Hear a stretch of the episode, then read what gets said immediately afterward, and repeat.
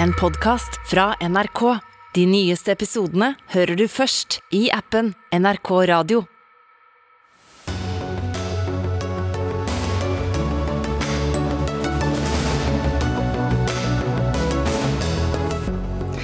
Den norske diplomatens oppførsel i Murmansk er uhørt og en gavepakke til Russland, mener Russland-ekspert.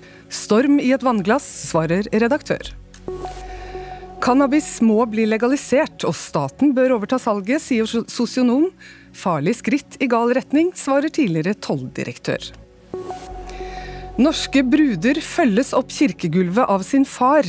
Denne ordningen er verken tradisjon eller moderne, sier teologiprofessor. Gjør det meg dermed til en dårlig feminist, spør redaktør. SV frykter for sikkerheten når Forsvarets IKT-drift skal driftes av private selskap neste år. Bare tull, svarer Høyre-politiker. Og Hamar Arbeiderblad mener justisministerens feriebilde på padlebrett er et bevis på lovbrudd. De prøver å lage politisk skandale ut av ingenting, sier rådgiver i Civita. Velkommen til Dagsnytt 18, i dag denne første mandagen i august.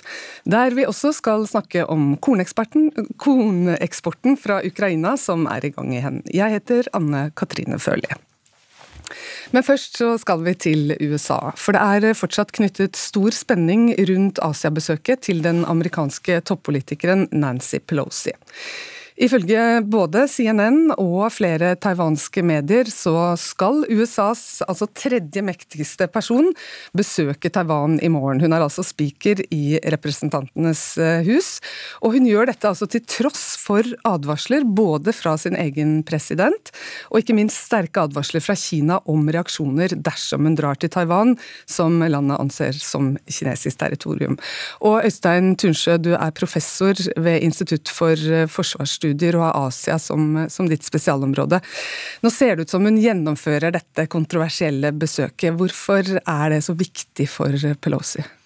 Jeg tror det, Sånn som det har blitt nå, så tror jeg det er viktig av mange grunner. Det første er på en måte ettermælet hennes. Hun har vært en person som har jobbet for menneskerettigheter og demokrati i mange tiår.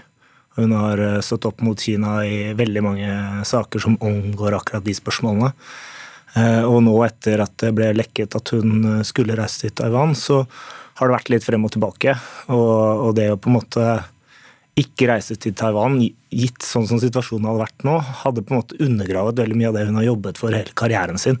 Og hun er helt på tampen av sin politiske karriere og kan på en måte ta en støyt her når det kommer med kritikk fra president Biden eller andre, men hun vil samtidig også styrke sin posisjon i Kongressen og, og styrke på en måte sitt omdømme. Kan du si litt om hvorfor dette er så kontroversielt, at hun drar til eh, Taiwan? Nei, altså Det er svært kontroversielt fordi hun er en offisiell person, som du var inne på innledningsvis. Eh, hun er da etter visepresidenten, den personen som vil ta over makten i USA hvis eh, president Biden og visepresident Camilla Harris skulle falle fra. Eh, og det, og det, er veldig viktig. I tillegg så mener kineserne at hun, hun er fra Det demokratiske partiet. Kan være litt vanskelig for dem å se forskjell på en kongressmedlem og administrasjonen. Selvfølgelig, toppolitikerne i Kina ser forskjell, men den gangen eh, forrige speaker i Kongressen gjorde dette, eh, tilbake i 1997, så var jo da Ginrich han var jo en eh, republikaner, og det var en demokratisk president, Bill Clinton. Eh, så det er en, en annen faktor. Mm. Den siste er jo selvfølgelig hennes Hun har vært en rød klut for Kina i, i mange tiår når det gjelder menneskerettigheter, demokrati og kjempe for Taiwan. Ja, for det er et dårlig forhold allerede mellom de to stormaktene, USA og, og Kina. Og dette kan jo være med på å forsterke det dårlige forholdet. Hvilke reaksjoner kan Kina komme med dersom eh, dette nå blir gjennomført? Nei, De uttalelsene vi har sett nå i morges, uh, tyder jo på at de, de ivaretar handlingsrommet sitt. da. Eh, så det betyr at de, de kan liksom helt ytterste skala eh, ta på en måte militære grep, være seg helt til å skyte ned flyet hennes idet hun eh, går inn for landing på Taiwan, til å angripe på en måte kortesjen hennes på Taiwan, eller hva det måtte være. Veldig ekstremt.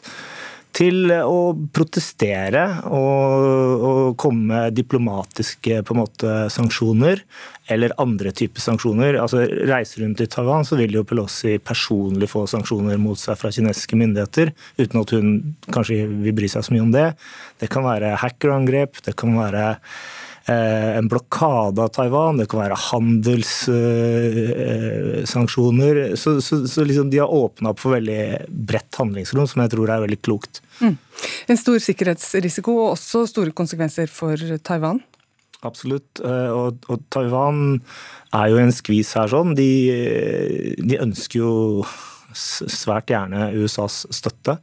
De ønsker å, Den store majoriteten på Taiwan ønsker å få formell selvstendighet. Eh, samtidig så må de være forsiktige med å gå for langt i å provosere Kina. Eh, og det, det er veldig vanskelig balansegang.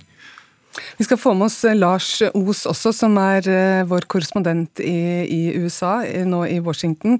Hva, hva, skriver amerikanske medier nå om Nancy Pelosis da eventuelle eller sannsynlige besøk eh, på Taiwan i morgen tidlig? Altså Det siste vi ser nå på nyhetene og i avisene, er at uh, det er ikke noe bekrefta at Nancy Pelosi faktisk skal reise dit. Hun har vært i Singapore og skal videre til Sør-Korea og, og, Japan. Men uh, mange her mener at de bare holder det litt grann i skjul. Og så sannsynligvis så vil hun dukke opp i, i, i, Taiwan eller kanskje i løpet av dagen eller morgendagen. Og det er generelt veldig mye mange kommentarer som eh, snakker om at eh, er det her så veldig lurt, er det ikke lurt? Men eh, de fleste eh, ser ut til å egentlig støtte da, besøket hennes. Ja, hva, hva, sier de nå om dette at uh, hvorfor presidenten uh, Biden da altså uh, fraråder Pelosi å, å besøke Taiwan? Altså, han har vel kanskje ikke fraråda. Ehm, det han har uttalt offentlig, er det at eh, nå er kanskje ikke riktig tida for Joe Biden, som har vært senator i mange år. Eh, han har ikke lyst til å diktere hva Kongressen fatter av beslutninger, for eh, han vil ha et veldig godt skille mellom Det hvite hus og Kongressen. Men det er Pentagon og generalene som i praksis har sagt gjennom Joe Biden at vær så snill å ikke race, men, men Biden Biden har òg sagt at eh, hvis hun reiser, så skal vi selvsagt sørge for at eh, sikkerheten blir ivaretatt. Men det har også kommet et råd eh, da, om at hun ikke bør dra. Hva, har det, hva vil det ha å si? Hva betyr det at hun da mm, ikke lytter til det rådet som er kommet? Nei, altså Det kommer på nytt da, at uh, hun kan jo ta imot de rådene hun vil fra militæret, fra Det hvite hus, men uh, Nancy Pelosi hun er ganske bestemt uh, dame. og Hun er jo en del av Kongressen, og det er jo kongressmedlemmene sjøl her som kan bestemme om de skal ut på reise eller ikke. Det er militæret dog som tar vare på sikkerheten, men det er jo ikke bare hun som da en demokrat som er, er for dette møtet. Jeg hører nå på TV flere ganger at eh, mange republikanere syns at hun kanskje bør skryte av at hun skal reise ned dit, og rett og slett bare si jo, jeg har lyst til å reise ned dit, for så å liksom bevise opp mot Kina at eh, det kommunistiske partiet ikke kan diktere amerikansk eh, utenrikspolitikk. Så hun, så hun har støtte i, i, Kongressen, både fra demokrater og republikanere, på, på besøket. Takk skal du ha, Lars Os. Ehm, og Tunsjø, hva kan vi si om hvordan forholdet mellom eh, Taiwan og Kina er akkurat nå?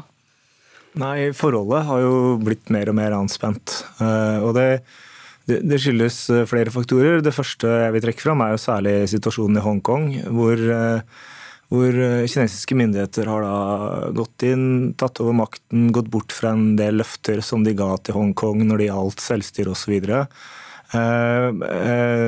så hadde man også en plattform om at man kunne ha to systemer så lenge det var ett land. Men så ser man hva kinesiske myndigheter har gjort i Hongkong, og, og den modellen kjøper ikke taiwaneserne. Så de har blitt alarmert av hva kinesiske myndigheter har gjort i Hongkong. Eh, og, og, og derav så, så, er det vanskeligere å finne noen sånn modell som gjør at Kina og Taiwan kan på en måte gjenforenes. Eh, og så er det selvfølgelig at Kina blir mektigere og mektigere for hvert år som går. bygger opp det militære, blir mer og mer aggressive i den forstand at de gjennomfører flere militærøvelser. Eh, flyr inn i eh, kinesisk, nei, taiwansk luftrom som taiwaneserne må avskjære. Så det er en militærspenning. Og, og, og, så, og, så, har man på en måte på handelssiden også fått sanksjoner og, på en måte konflikt.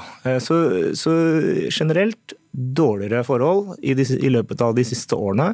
Og det underbygges og forsterkes av at taiwaneserne ønsker med, altså selvstendighet. Flere og flere taiwanesere ønsker selvstendighet fra, fra Kina. Mm. Og Hva tenker du om hvordan dette vil påvirke forholdet mellom USA og, og Kina? Nei, Dette er det viktigste spørsmålet i det 21. århundret. Så enkelt er det. Eh, Eh, og det altså Konfliktpotensialet her er ganske stort, fordi i motsetning til rivaliseringen mellom USA og Sovjetunionen, så foregår denne rivaliseringen ikke på land i Europa, men ute til havs. Og det betyr at amerikanerne de kan forsvare Taiwan med konvensjonelle militære midler. Det betyr at de trenger ikke å true Kina med atomvåpen. Som at hvis dere invaderer Taiwan, så vil vi bruke atomvåpen. Det gjorde man overfor Sovjetunionen i Europa.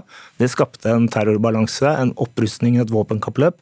Men det var fredelig, kan man si, i 40 år. Og det tror jeg ikke det kommer til å være mellom USA og Kina i Øst-Asia i de neste årene som kommer. Takk skal du ha, Øystein Tunsjø, professor ved Institutt for forsvarsstudier, og til Lars Os, vår korrespondent i USA.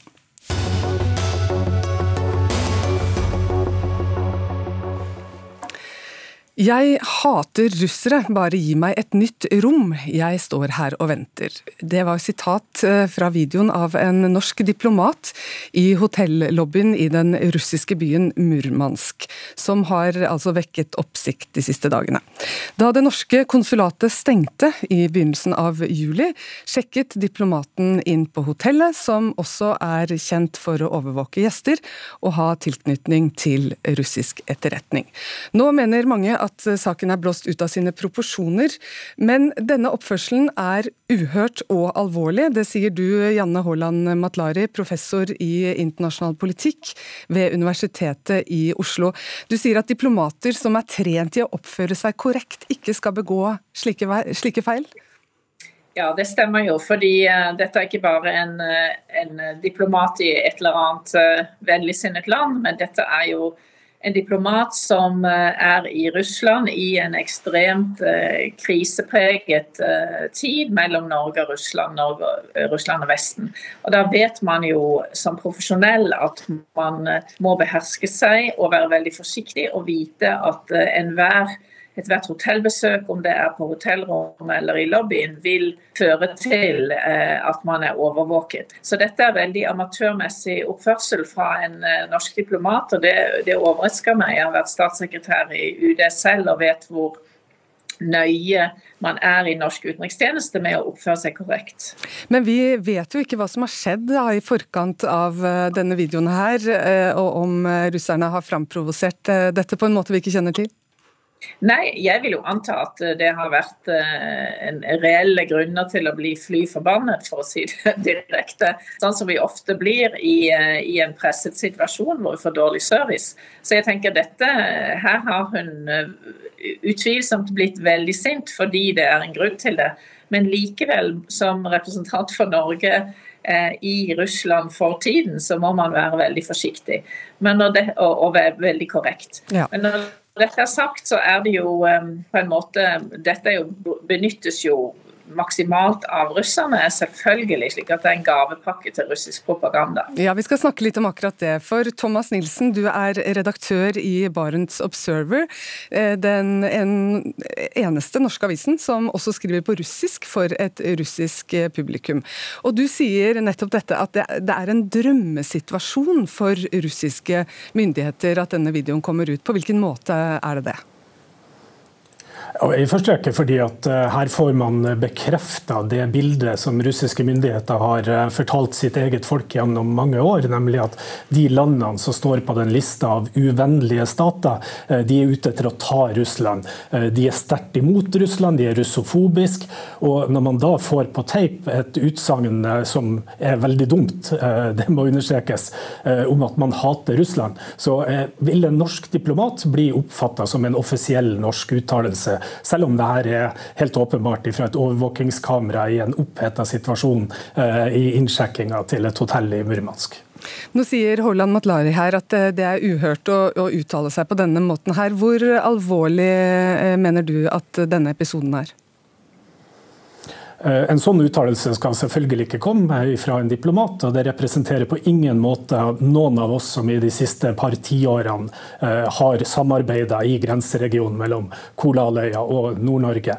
Eh, når det er sagt, så er dette en storm i et vannglass, og det vannglasset det er nå tomt. Så jeg tror ikke at dette får noe videre etterspill. Altså, vi må huske på at dialogen mellom Norge og Russland i nord den er nesten ikke til stede. og Det er en grunn til til at Norge stenger ned sitt generalkonsulat i Murmansk. og Det er rett og slett fordi at eh, Norge ikke lenger har behov for en diplomatisk tilstedeværelse, fordi kontakten er på et helt, helt minimum. Så det kan ikke få noe særlig mer ringvirkninger enn den stormen vi har sett i russisk media, fra russisk utenriksdepartement og også fra guvernøren i Murmansk nå i helga.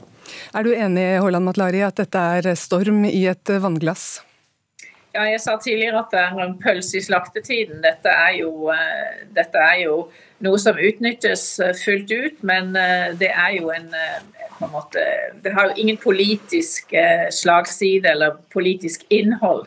Dette er jo da en ekstrem frustrasjon fra en, en i en hotellresepsjon, som tilfeldigvis også da er, er diplomat. Men uh, det er klart at, uh, at, dette kan jo brukes uh, altså Det gir, inn, gir, inntrykk, som det ble sagt. det verifiserer på en måte et russisk narrativ. Så vanlige velgere eller vanlige russere vil jo naturlig nok bli veldig oppbrakt over dette her. Samtidig som alle på politisk nivå vet at dette er en Dette er som en video som russisk propaganda selv kunne ha produsert. Så hadde ikke norsk UD sagt at den er ekte, så hadde jeg trodd det var falske nyheter.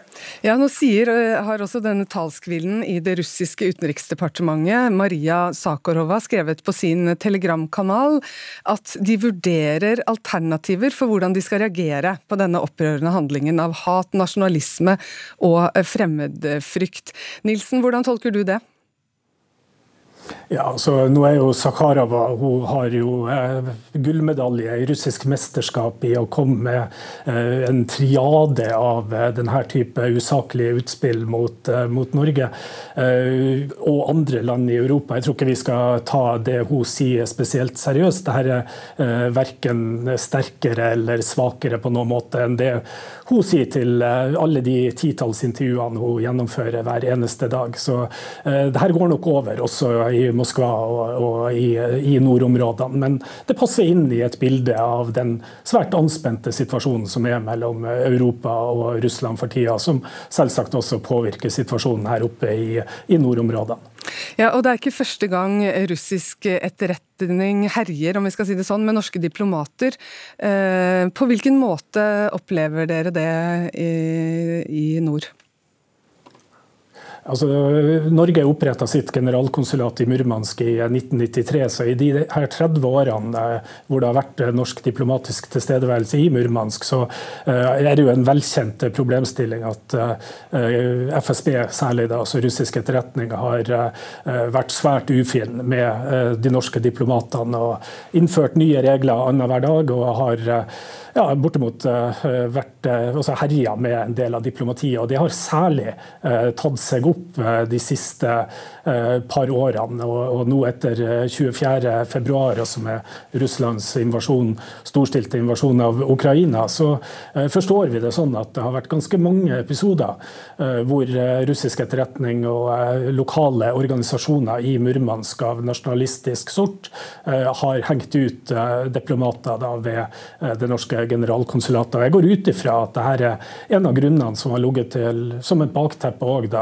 Utenriksdepartementet i Oslo bestemte seg for å midlertidig trekke tilbake de norske diplomatene fra Murmansk, sånn at generalkonsulatet da ikke lenger har en, en funksjon der. Det er nok et sikkerhetsaspekt også ved det her.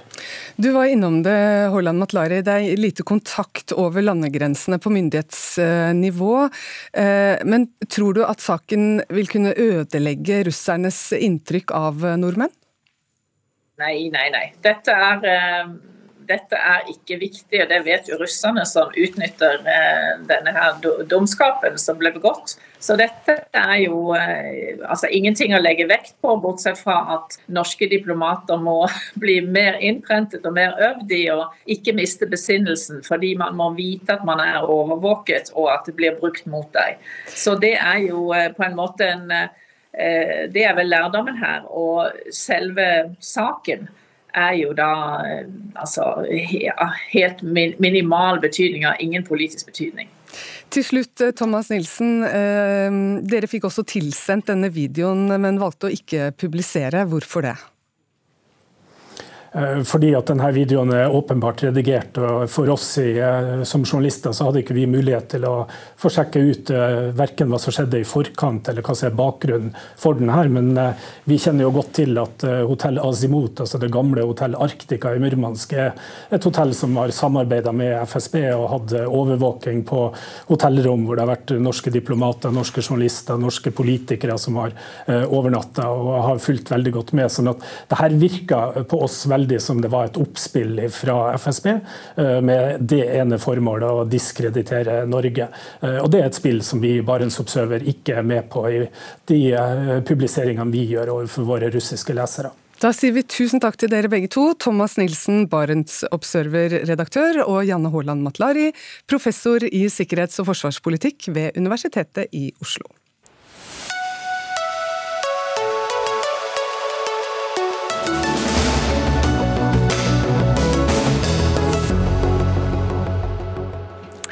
Da skal vi snakke om legalisering. For denne sommeren har det pågått en debatt om legalisering av cannabis i mange avisspalter. Vi har også hatt utallige debatter i det her i Dagsnytt 18 om dette temaet med politikere og fagfolk, særlig om rusreformen. Denne gangen har vi valgt bort politikerne og isteden invitert eh, to fra to andre Eh, yrkesprofesjoner, bl.a. Eh, deg, Tore Mangseth. Du er sosionom og har jobbet i barnevernet og møtt flere unge som har brukt eh, ulike rusmidler. Du har skrevet et leserinnlegg i Nettavisen der du tar til orde for at staten skal overta salget av cannabis. Hvorfor er det en god idé?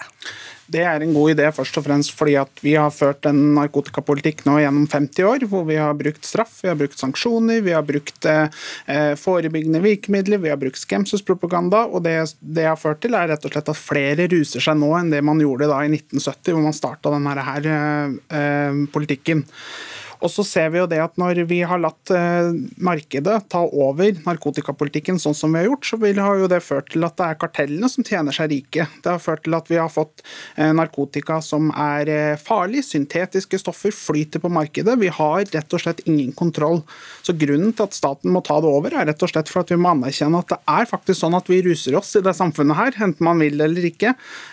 Folk bruker cannabis, og derfor så må staten ta det ansvaret her og ta den kontrollen, litt sånn som vi har gjort i alkohol alkoholpolitikken. Du, du, nevner at flere russer seg, men man kan jo bruke tallene her på litt ulikt eh, vis. For eh, det er også riktig at norske ungdommers bruk av cannabis er blant det laveste i Europa. Så det, det kan jo tyde på at noe har fungert, da? Ja, men samtidig så er jo ikke det det eneste tallet vi må se på. Vi kan også begynne å se på overdosestatistikken. Der ligger jo Norge skremmende høyt på internasjonal standard. Eh, jeg tror vi klokker inn til en sjetteplass av antall overdoser i Europa. Det er ganske alvorlige tall, med tanke på at vi er et lite land som er relativt eh, avgrensa fra, fra et stort åpent narkotikamarked i Europa.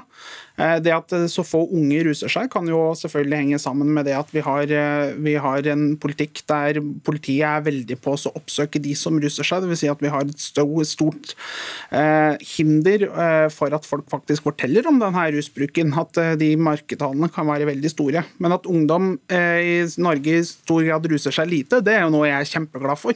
Ikke sant. Du, Bjørn Riise, velkommen. Embetsmann, tidligere tolldirektør fra 2007 til 2016. Du har kalt dette forslaget som eh, kommer her for skremmende og farlig. Eh, hvorfor kaller du det det? Ja, i likhet med det store flertall i den norske befolkning, så mener jeg at et forslag om å legalisere narkotikabruk uh, og, å starte å selge narkotika, i et hvert fall cannabis, på, på et statlig monopol, det er, det er farlig. Det er uheldig. Og det er heldigvis antagelig ugjennomførlig. Hvorfor er det farlig? Jo, hovedgrunnen til det er at en slik legalisering av eh, i første omgang cannabis, men hva kommer deretter? Det vil helt åpenbart føre til økt narkotikabruk. Jeg kan komme tilbake til vi har veldig sterke indikasjoner og faktisk bevis på at en slik liberalisering og legalisering vil føre til økt bruk. Eh, men heldigvis, da, så er det antagelig ikke gjennomførbart. Og, det er noen grunner til det. Eh, for det første så tror jeg man må undersøke veldig grundig om dette i det hele tatt er mulig i, i, i forhold til EØS-lovgivningen. Og, og, og, begrense omsetningen av et i så fall legalt stoff til statlig monopol. Uh, for det andre, bare for å ta det, så, mm. så, vil det være strid med narkotikakonvensjonen som Norge har tiltrådt for mange tiår siden. For det tredje så finner du antagelig bare to, et par småpartier i Stortinget som uh, vil være med på å etablere staten som, som langer av narkotika. Et, et, et, eh, et, stoff som altså ødelegger en rekke rekke unge mennesker. Så, så, så dette er farlig. Det vil føre til økt bruk, økt misbruk, større ulykkelighet blant ungdom, og det må vi gå, gå sterkt imot. Mangset, vil du svare på det? Ja, altså Når det gjelder det her med at EØS-lovgivningen vil hindre det, så, så, er det jo sånn at vi får jo lov å føre et statlig vinmonopol på bakgrunn av et helseunntak i, i EØS-lovgivningen, og det er veldig vanskelig å se for seg at cannabis, salg av cannabis ikke nødvendigvis skal kunne gå under det samme, samme utsalget. For det andre så er det jo sånn at eh, vi er jo enige om det målet her, om at færrest mulig skal bruke rusbruk. Jeg er bare ikke enig i det der, der du sier om at eh, økt salg vil føre, eller at legalisert salg vil føre til økt rusbruk. Og Det bygger jo, bygger jo på den, de fagundersøkelsene man har gjort i Norge, Rusreformutvalget, de, de, svarene man har fått fra Portugal, hvor man ser at bruken har gått marginalt opp. Det er knapt en økning i bruk. og Samtidig så ser man at overdosedødsfallene har falt fra 369 eh, før rusreformen eh, i året, før rusreformen der nede tok eh, kraft, til 30 nå. Det vil jo si ja, mm. Jeg får ta akkurat det, Røse. Det er jo riktig som Mangset sier her. Ifølge tall fra Helsedirektoratet så har vi flest overdosedødsfall per innbygger i hele Europa. Kan ikke det være et argument for å tenke annerledes? Nei, jeg skal komme tilbake til det. Fordi at det man eh, oppdager når man går inn i helsestatistikken at det er enorme forskjeller i måten den defineres og rapporteres på. F.eks. er forskjellene mellom Norge og Portugal så store at det som ser ut til at vi har et større problem i Norge enn i Portugal, det er ikke riktig. Eh, så, så, må jeg forsøke å klore hull på en myte.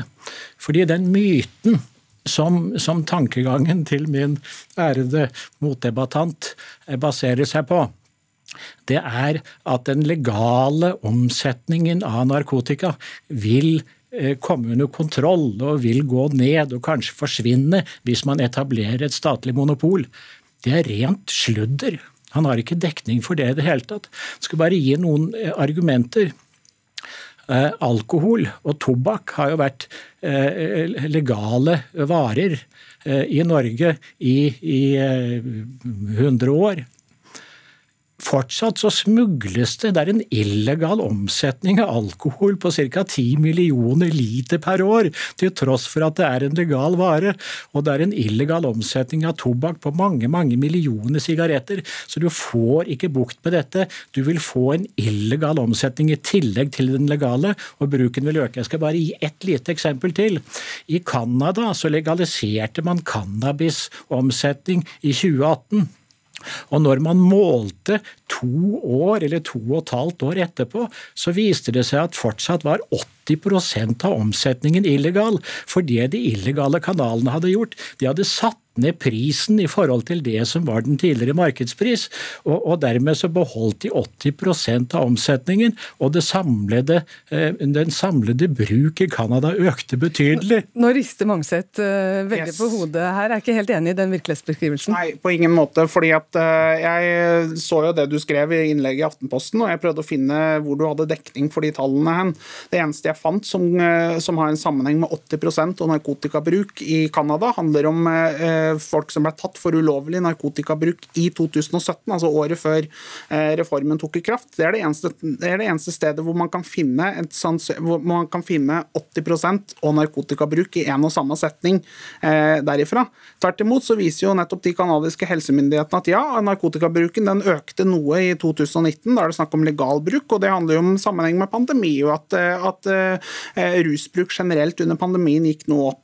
Men det andre jeg har lyst til å si, uh, som jeg også skrev i det opprinnelige innlegget i Nettavisen som handler om det her med ulovlig omsetning av alkohol og tobakk, det handler om at staten har prisa seg fullstendig ut.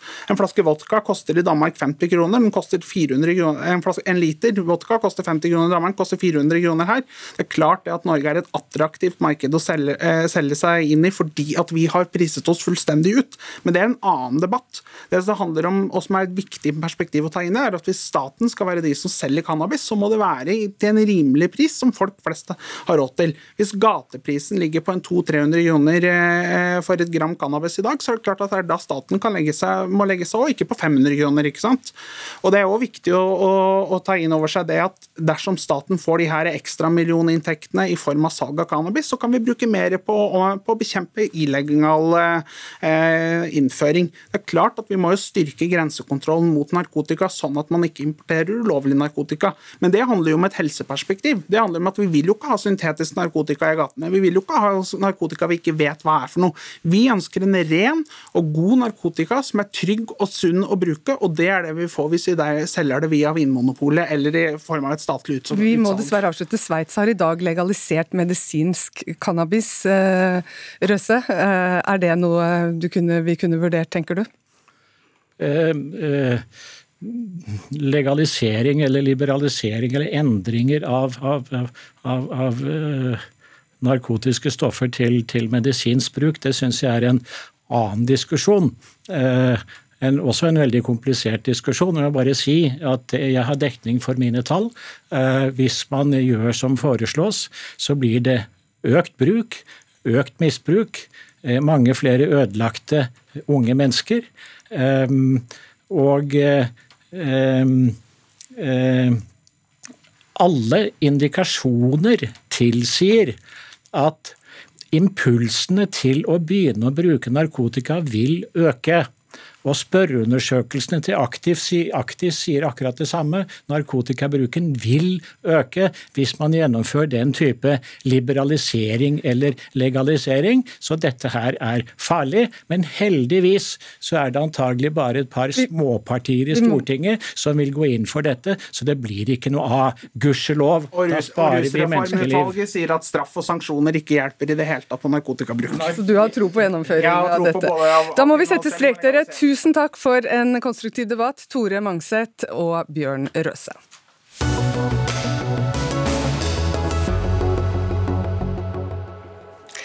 For første gang siden krigen startet i februar, har Ukraina gjenopptatt eksporten av korn. For i dag tidlig forlot lasteskipet Razoni havnebyen Odessa med 26 000 tonn mais om bord. Skipet har altså kurs eh, mot Libanon, og ifølge nyhetskanalen Al Jazeera er 16 skip klare for avgang til Afrika, Midtøsten og andre deler av verden. Og Morten Jentoft, utenriksjournalist her i NRK. Vi har jo hørt om miner og mye i, i dette havområdet her. Hva vet du om hvordan denne ferden med kornet nå går?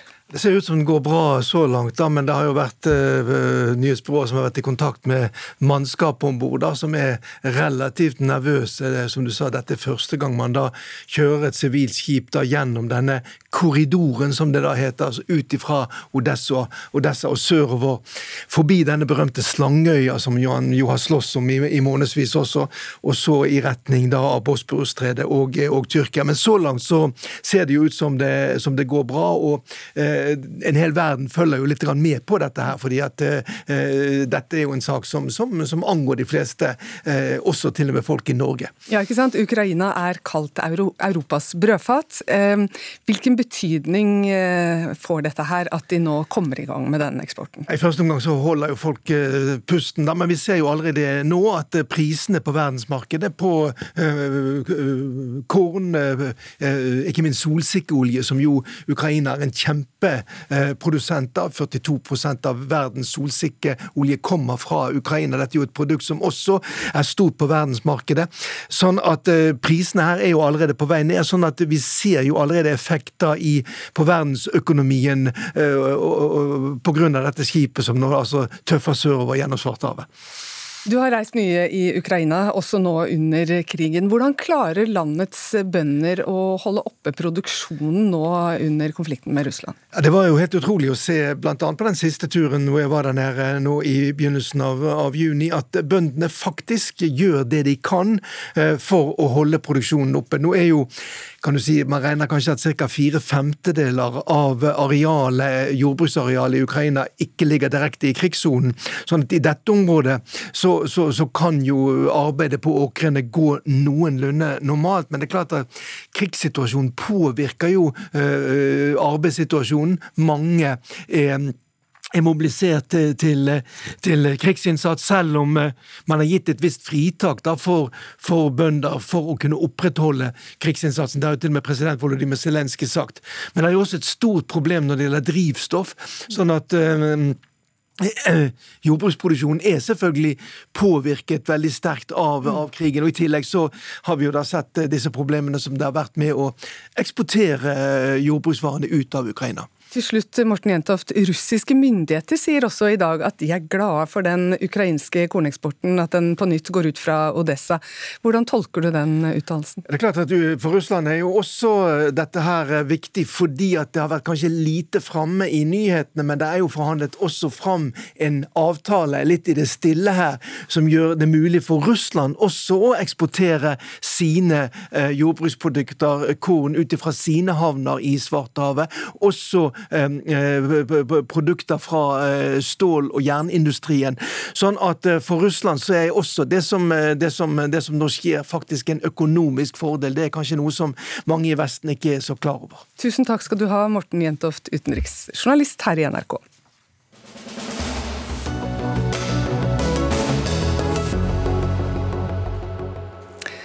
De fleste norske kvinner som gifter seg i kirka i dag, følges opp til alteret av sin far.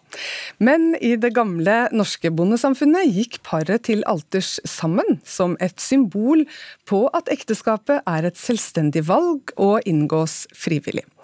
For å bli fulgt opp kirkegulvet av far er verken tradisjon eller moderne, sier du til Vårt Land, Hallgeir Elstad, eh, teologiprofessor ved Universitetet i Oslo, og også prest i Den norske kirke. Eh, du sier det er problematisk. På hvilken måte er det det? Ja, jeg tenker jo at det er problematisk ut fra hva denne tradisjonen som det etter hvert har blitt, men forholdsvis korte tradisjonen. Eh, at far følger bruden opp. Eh, det er problematisk i forhold til det kvinnesynet som, eh, som det kan bidra til å uttrykke. Dette at kvinnen følges opp av sin far og overleveres, så å si, fra sin far til en annen mann, sin kommende ektemann.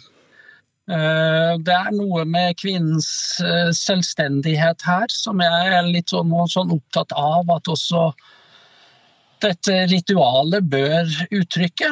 Ehm, det blir veldig patriarkalsk, eller kan i hvert fall tolkes som veldig patriarkalsk. Og i vår tid hvor likestilling er, eh, er en viktig verdi, og hvor likestillingen har kommet svært langt, så tenker jeg at eh, det er en, en, en idé å tenke, tenke, litt annerledes om, eh, om, om inngangen til brudeparet ved vigsel. Ja, Elise Kruse, du er religions- og, feature-redaktør i Vårt Land. Du skriver i en kommentar i Vårt Land at du valgte å gå sammen med din far opp kirkegulvet. Eh, og Hva var grunnen til at du valgte det? Nei, det var et veloverveid valg som jeg brukte veldig lang tid på. Eh, og diskuterte mye, først og fremst sammen med han jeg gifta meg med. Eh, men, og jeg var veldig usikker, for jeg tenkte jo mye på det her som jeg var blitt opplyst om av folk rundt meg, som Hallgeir forteller om her. Eh, hva dette representerer og symboliserer. Og syntes det var litt ugreit, selvfølgelig. Det var jo ikke noe jeg hadde lyst til å symbolisere på en sånn dag. Men for meg så handler det om at jeg ikke hadde lyst til å gå alene. Det var jeg altfor nervøs til. Eh, jeg hadde lyst til å ha med meg noen ved sida av meg, som gikk sammen med meg. Ikke nødvendigvis fulgte meg eller leide meg opp, men som var til stede sammen med meg, og som betydde mye for meg. Og som var med på å representere den jeg, den slekta jeg kommer fra, den, de røttene jeg har med meg den dagen, som da skal vie sammen med, med, en annen person. Du skriver at du selv at du skammer deg litt over valget du, du tok. Gjør du det fortsatt? Jeg kjenner jo litt på det, og jeg tror det er litt viktig også. Det er derfor jeg er så glad for at denne debatten eh, får plass. Fordi jeg tror veldig mange, i motsetning til meg, da, eh, ikke nødvendigvis tenker seg så mye om før de bare går sammen med faren sin. Fordi for min generasjon eh, så er nok dette blitt det er jo blitt veldig normalt, det ser vi jo på tallene nå. Og det er nok noe vi bare gjør uten å egentlig tenke så mye over hva det representerer og symboliserer, og det mener jeg er problematisk, da. Eh, og jeg valgte jo å gjøre min egen noen twist på mitt valg, fordi, for at ikke det skulle se ut som at jeg ble overlevert fra en mann til en annen, fordi det kjenner jeg meg jo ikke igjen i.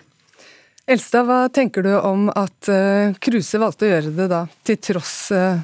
Nei, altså, det, det, er jo den enkeltes valg, selvfølgelig. Og det må man jo re respektere. Altså, jeg er, jeg er litt um, Jeg er jo veldig enig, egentlig.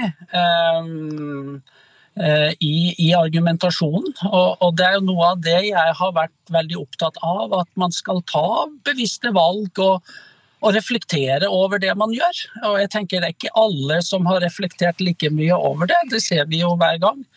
Eh, så, så, så, jeg tenker det er viktig, først og fremst. Vi ser av tallene at antall kirkelige vigsler går ned. Eh, er det ikke viktigere at de da vigsler seg i kirka, enn at dette blir den nye Fana-saken? Jo da, det, jeg har ikke tenkt at det skal bli en fanesak. Men jeg tenker akkurat som man reflekterer over musikk, over hvordan man vil ha det i bryllupet sitt, som jo er en kjempeviktig eh, begivenhet. Det er en ja til kjærligheten og til samlivet og til alt. Det er utrolig vakkert når, når folk gifter seg, og det, det er viktig å holde fast med. Eh, man er bevisst på mange ting rundt sin vigsel, men da, tenker, da er også dette et aspekt som en bør også være bevisst på. Og Det jeg opplever svært ofte, det er jo det at man tror at dette er den gamle tradisjonen, og man vil videreføre en gammel tradisjon, og så er det faktisk ikke det en gjør. Så, så det å få en bevissthet rundt det, og diskutere det og faktisk også opplyse om det, tenker jeg er viktig for Kirken. Men det er klart at det er det enkelte paret som til syvende og sist bestemmer hvordan man ønsker å, at, at man skal gå inn eh, i kirken i forbindelse med ekteskapsinngåelsen. Kruse, du stiller selv spørsmålet om du da skal se på deg selv som en dårlig feminist fordi du valgte å gjøre det på denne måten. Hva er svaret? Ja, kanskje ja og nei, tror jeg svaret. Eh, jeg tror nok at det å leve opp til alle eh, feministiske idealer er, en, er veldig, veldig vanskelig. Umulig på mange måter. Eh, og jeg tror nok at det som kanskje gjør meg til en god feminist i dette tilfellet, er at jeg tør å snakke åpent om det og, og ta denne diskusjonen videre. Og få andre også til å reflektere hvorfor vi gjør som vi gjør. Og det er jo på en måte mitt hovedanliggende nå. At ikke dette går på autopilot. At, ikke, at vi tar oss tid til å stoppe opp og tenke over hva vi representerer. Hvor gode er Kirken på å informere om hva som egentlig er den norske gamle tradisjonen her, og, og hvorfor eh, vi har gjort som vi har gjort? Det tror jeg er ganske delt. I utgangspunktet så er jo sånn at i, i vigselsliturgien til Den norske kirke, så står det at paret skal gå opp sammen. Men jeg tror jo ganske få par leser den før de gifter seg. Så det er ekstremt viktig, mener jeg, det, at prester tør å ta opp dette i vigselsamtaler, som alle har før de gifter seg. Eh, tør å stille spørsmål ved hvorfor de har valgt som de har gjort, eh, og gi folk en sjanse til å ta et velinformert, kritisk valg til hva de skal gjøre. Elsa, hva er grunnen til at vi har kommet dit da, at de aller fleste velger å bli fulgt opp eh, av sin far? Når den norske tradisjonen er å gå sammen?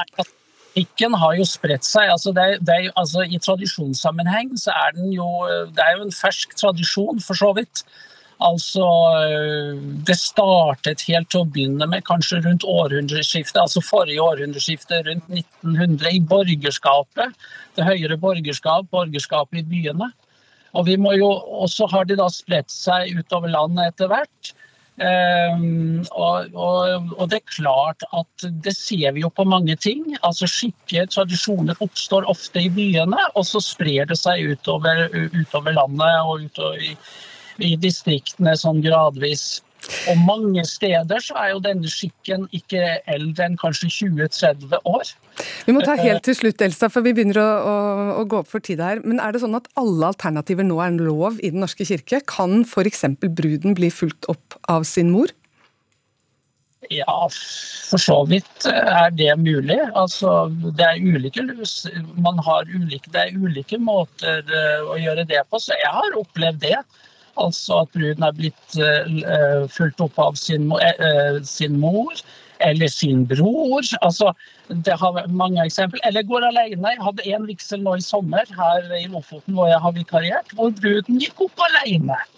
Men altså, det er ulike valg. Jeg, jeg syns nok jeg, at, det er, at, det er, at det er best om de går opp sammen, de to som skal gi hverandre sitt ja.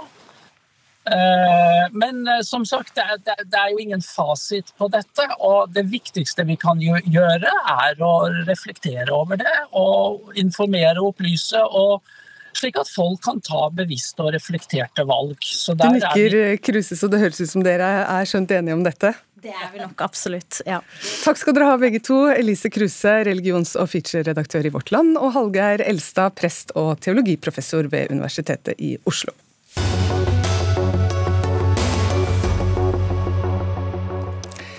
Forsvaret har lenge slitt med gamle datasystemer som ikke snakker sammen, og hatt behov for lagring av data i nye skysystemer.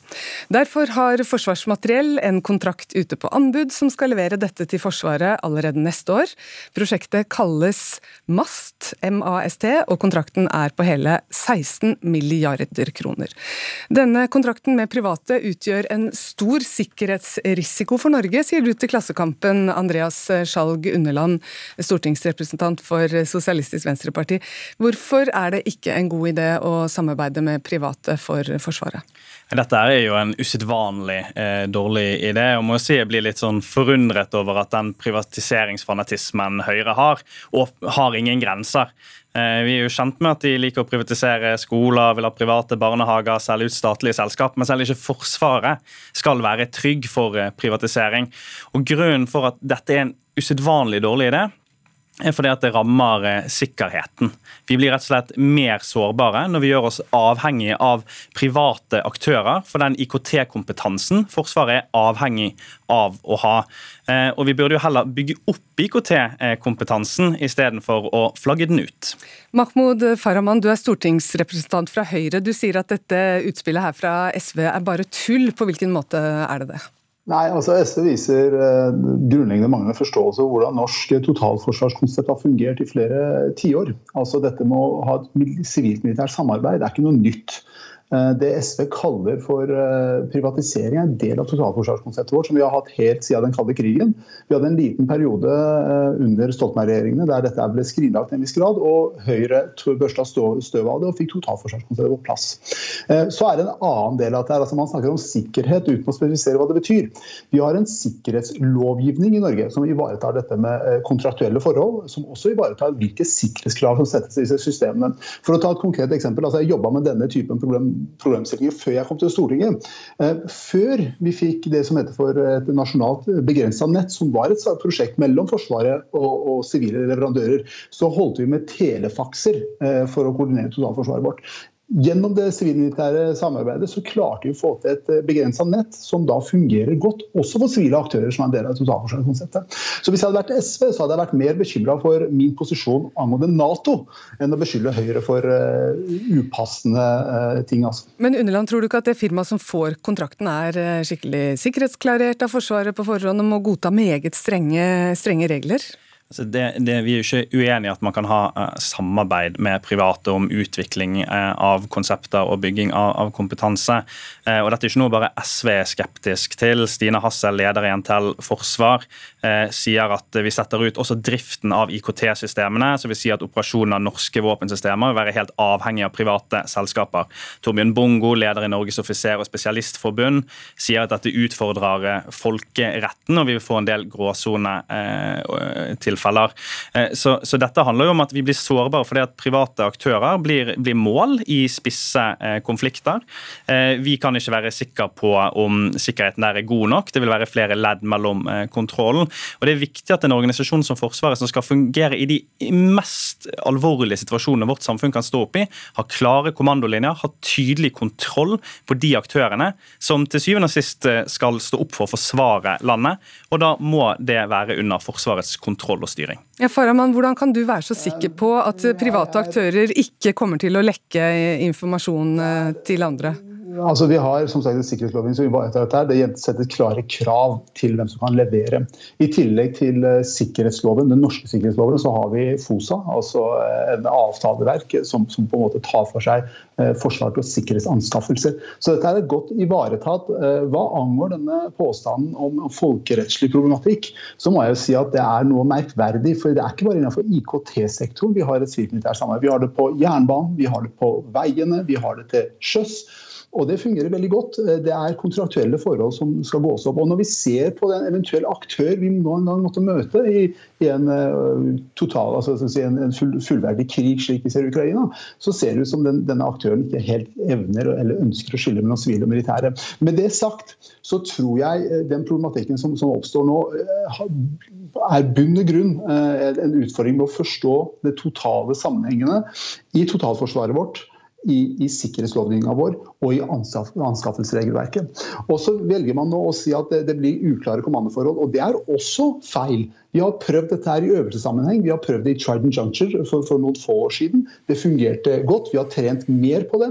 Og i et land som Norge med fem millioner innbyggere så er nå kommer vi slippe til her. Ja, altså, Nasjonal sikkerhetsmyndighet eh, allerede i 2020 slo fast i helhetlig digital risikobilde eh, at de er bekymret for den samlede nasjonale avhengigheten av utenlandske skytjenesteleverandører. Da så de på en liten del av IKT-sektoren, og de mener at man ser seg blind på lave kostnader kostnader alene. Når de nasjonale sikkerhetsmyndighetene roper varsko om at vi gjør oss for avhengig av eksterne IKT Eh, tjenester. Da tror jeg vi skal lytte litt til det.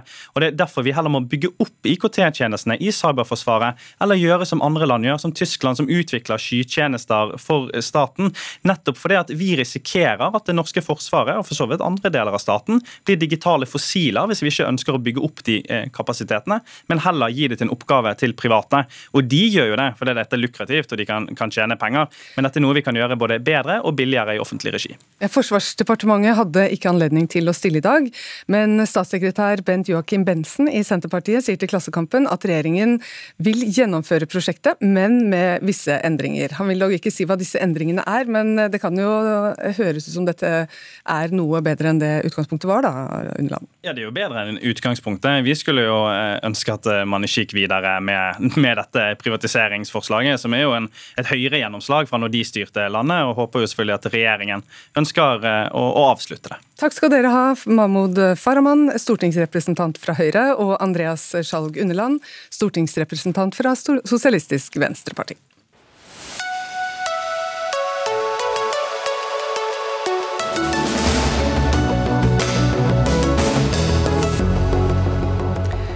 For en uke siden publiserte justisminister Emilie Enger Mehl en serie feriebilder på Instagram. Kort tid etter kom overskriften 'Her bryter justisministeren norsk lov' i Hamar Arbeiderblad. Også Dagbladet skrev om bildet av en blid justisminister i bikini på et padlebrett i Italia uten redningsvest. Oppslaget har vekket reaksjoner, og først Katrine Strøm, sjefredaktør i Hamar Arbeiderblad. Hvorfor skriver dere om dette feriebildet?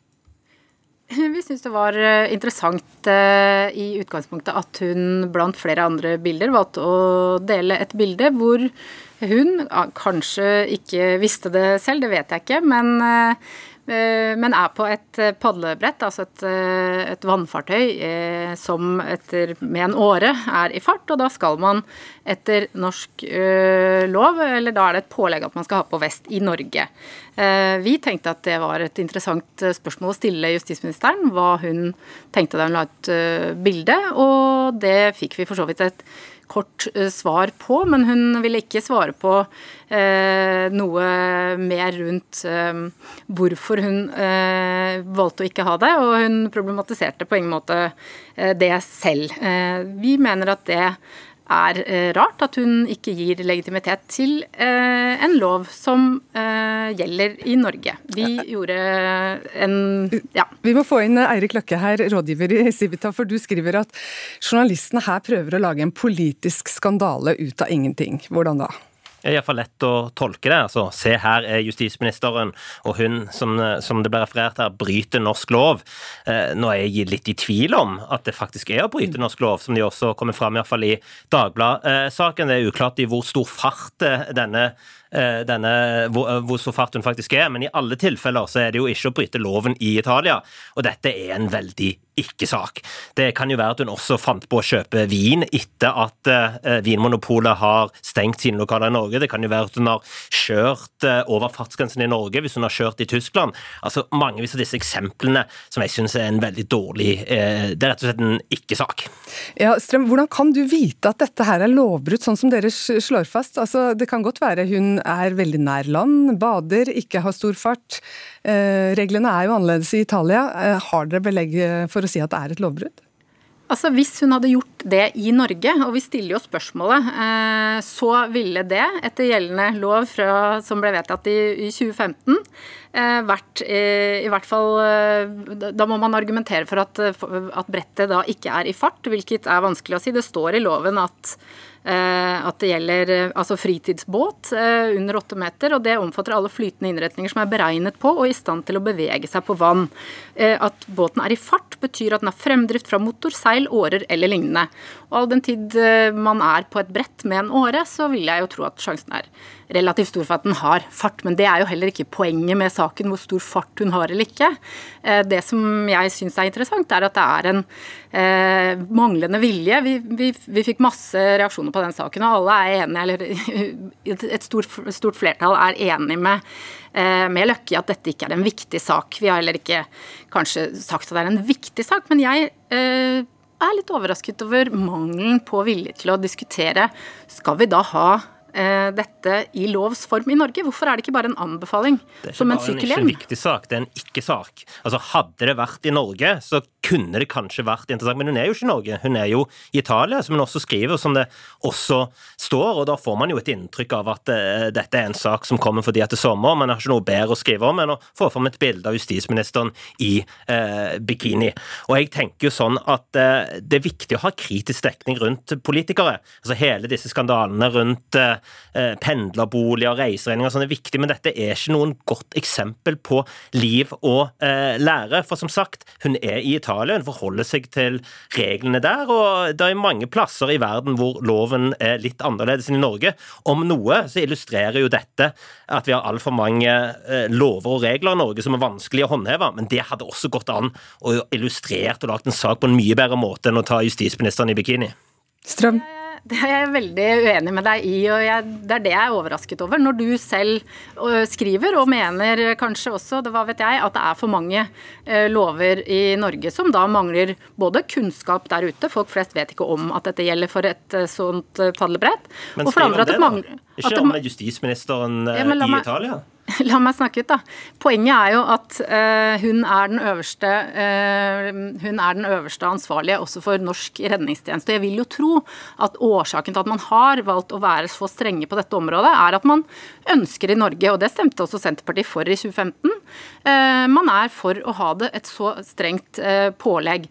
Den, en av de som kommenterer hos oss, er en politiker fra Frp som sier dette stemte vi imot. Vi syns det er tullete å ha lover som ingen følger. Og det kunne man jo diskutere, i likhet med det du sier nå, Løkke. Hvorfor, hvorfor tar du ikke tak i, i det i, i, stedet? Jeg tenker jo at det er en utmerket anledning til å diskutere det. Når det var mye bedre anledning om hun var i Norge, og da kan jo Hamar Arbeiderblad eller andre invitere justisministeren med ut på Mjøsa eller i Oslofjorden eller hvor som helst og lage en sak der. Det at hun var i Italia og, og koste seg der og fulgte lover og regler, er ikke en god illustrasjon på mangel på liv og lære. Det er en ikke-sak. Og der var tiden vår ute. Takk skal dere ha, Katrine Strøm, sjefredaktør Hamar Arbeiderblad, og Eirik Løkke, rådgiver i Civita. Vi takker for oss, Fredrik Lauritzen, Ida Laran Brenna og Anne Katrine Førli. Du har hørt en podkast fra NRK. De nyeste episodene hører du først i appen NRK Radio.